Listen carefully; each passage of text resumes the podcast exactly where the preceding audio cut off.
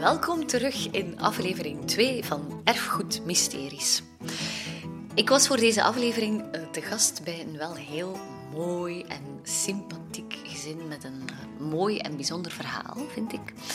Ehm, we gaan het er natuurlijk uitgebreid over hebben in deze podcast, maar het komt erop neer dat deze mensen eigenlijk in een erfgoedverhaal gerold zijn zonder dat ze het misschien goed en wel beseften, of meer nog, zonder dat ze het misschien eerst wilden, maar uh, waarin ze wel uiteindelijk hun geluk of hun meerwaardes in het leven gevonden hebben.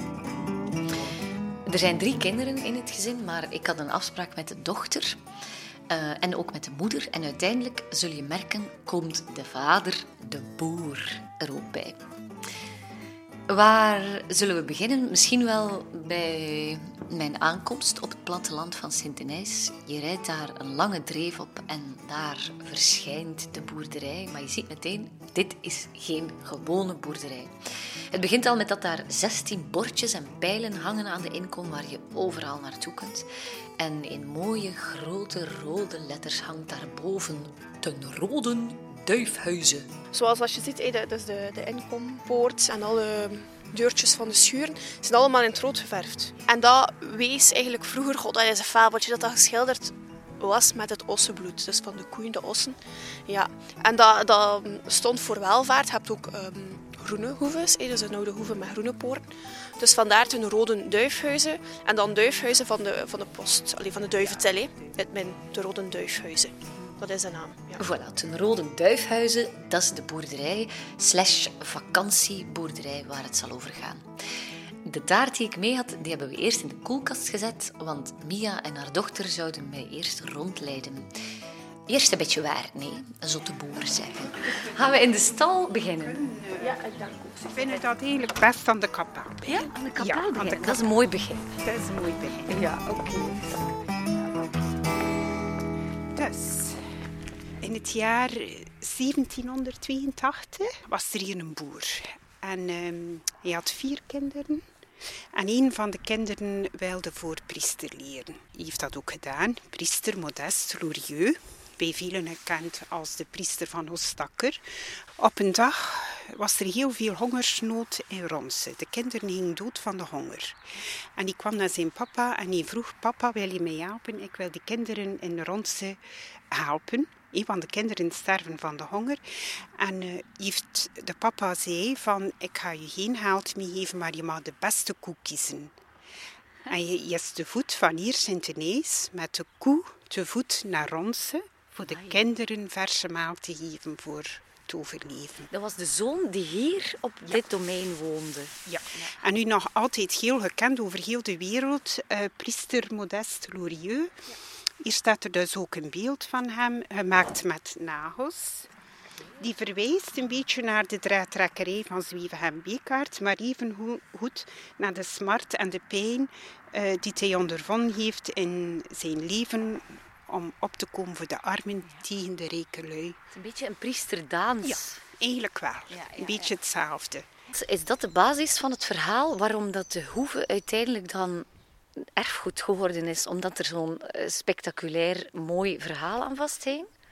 Misschien wel, eh, maar ook eh, zeker omdat ehm, Vierkantshoeve in al zijn authenticiteit bewaard is. Dus in de binnenkoer, kasseien, de gebouwen zijn oud, maar met respect voor het authentieke. Maar dus de kasseien, eh, daar mag je ook niks aan doen waarschijnlijk. Hè? Uh, dat is wel heel vermoeiend voor erop te lopen. Ja. Als je de hele dag op loopt, voel je dat wel. En als je met een bakwagen, alles wept eraf, als er iets in ligt. Ja, ja, ja. Bonken, bonken, bonken. Met de fiets, bonken, bonken. Ja, ja, maar dat ja. kan ik geloven. Op een bepaald moment um, werden wij ontegend op de Hoeve in de Losgaard.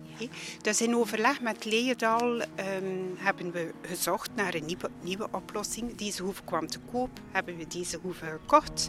Gelukkig, niet ver van, de, uh, van onze andere stek, maar voor de kinderen heel belangrijk voor um, het behouden van de vrienden, tienerkinderen. Hoe oud was jij toen, 2009? 15 jaar. 15, ja, ja een, een puber een beetje. Vond je, vond je dat toen, hoe heb je dat toen ervaren, zo de verhuis van, van daar naar hier? Goh, wij waren er in het begin wel vrij bij betrokken. Hè. En uiteindelijk denk ik niet, mama, dat we daar zoveel van afgezien hebben. Ik, ik weet daar eigenlijk niet veel meer van. Je zei wel, op een bepaald moment de gesprekken aan tafel gingen iedere keer over eh, de aankoop van de boerderij en ja, lastige periode. De eerste keer dat we binnenkwamen kijken, had je je hieruniform ja, aan. van de beweging. Ja. S'avonds. en uh, je zei van, oh nee, mam, hier kom ik toch echt niet wonen. ja, oh, uh, dat zou je niet van, ik had ook nooit het huis gezien vooraf. Heel lastig als uh, vrouw een hoeven kopen zonder dat je de woning ziet. Oeh, en hoe kwam dat? Ja, we moesten snel beslissen. Oké, okay, ja. dus je hebt gewoon beslist, we doen dit, we hebben, maar we hebben het huis niet gezien. We hebben het huis niet gezien. En, en nee, want voor een boer speelt de, de woning op zich niet zo'n rol. Uh, de akkers uh, spelen een rol. De vergunningsmogelijkheden voor de stal en voor uh, bereikbaarheid. Ja. Maar ja, ja, dat vind ik op zich wel spectaculair, inderdaad, mm -hmm. wat je zegt als vrouw. Je kwam hier aan en het was van jou. Het was van mij. En, ja. en dan? En het was heel oud. Het was oud. Ja. Het was een beetje muf. Het was ouderwets. Wij waren 50 jaar, mijn man en ik.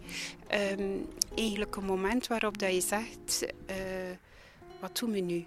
Oh, ja. Eigenlijk te laat om opnieuw te beginnen. Ja. Te vroeg om te stoppen. Uh, Willem de Zoon wou, uh, was aan het studeren voor slager. Wou niet een gewone slagerij, was zeker niet zijn droom. Een hoevenslagerij was de droom. Dus als je dan niet kiest voor een hoeve, dat kind zijn droom ging ook kapot. En ja.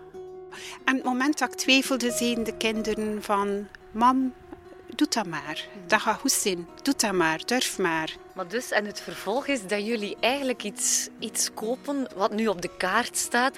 Is, is dat alles dus een geluk uh, bij een ongeluk geweest? Ik denk het wel. Uh, om, ik vind het ook een heel mooie hoeve.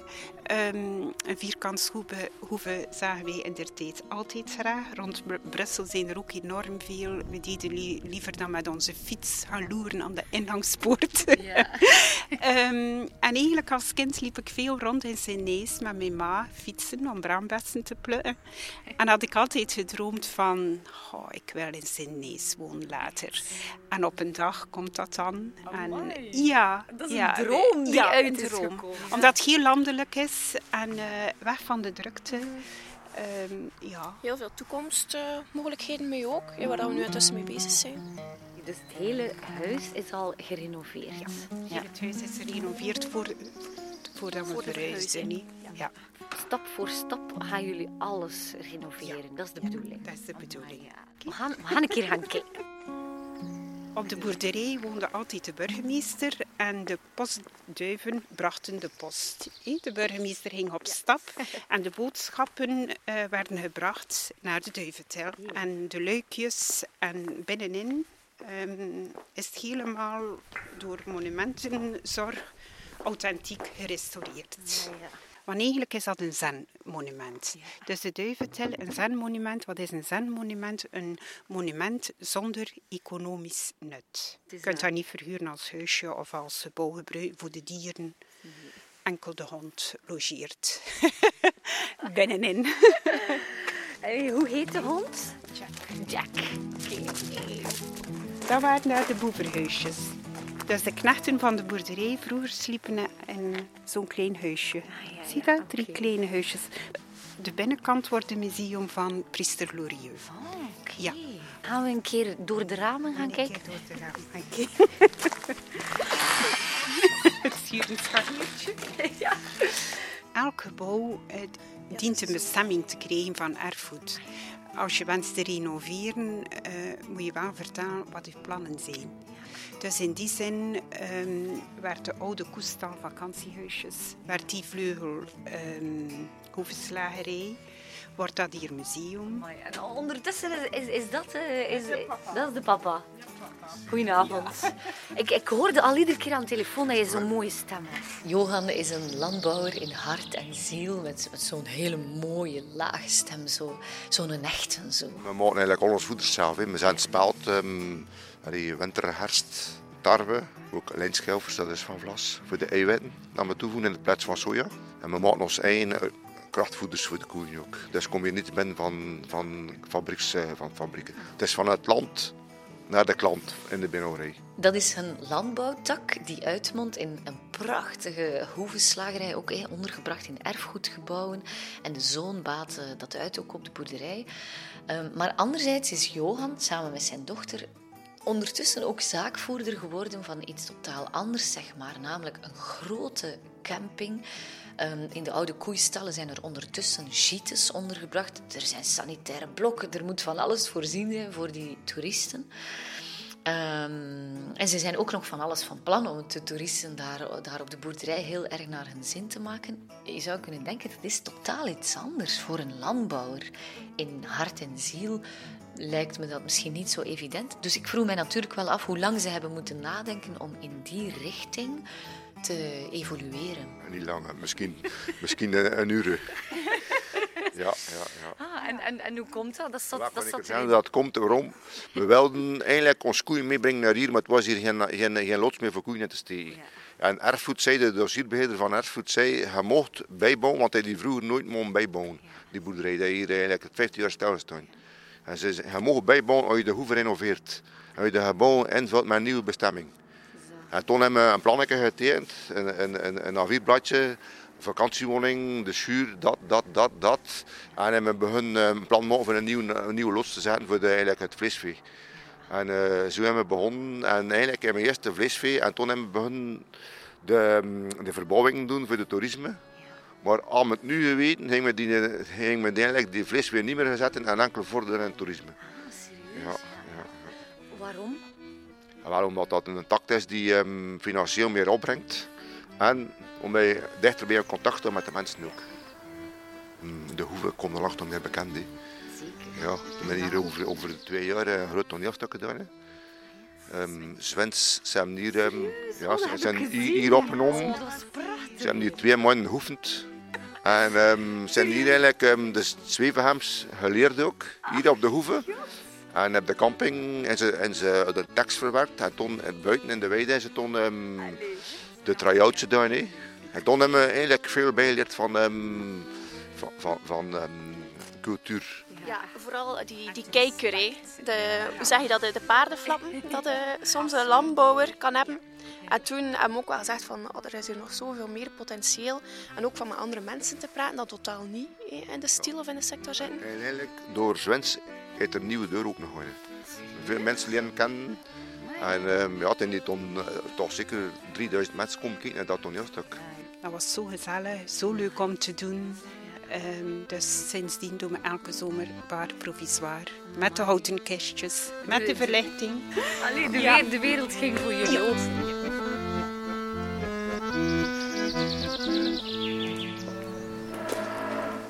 Wij zijn ingerold in. Ja.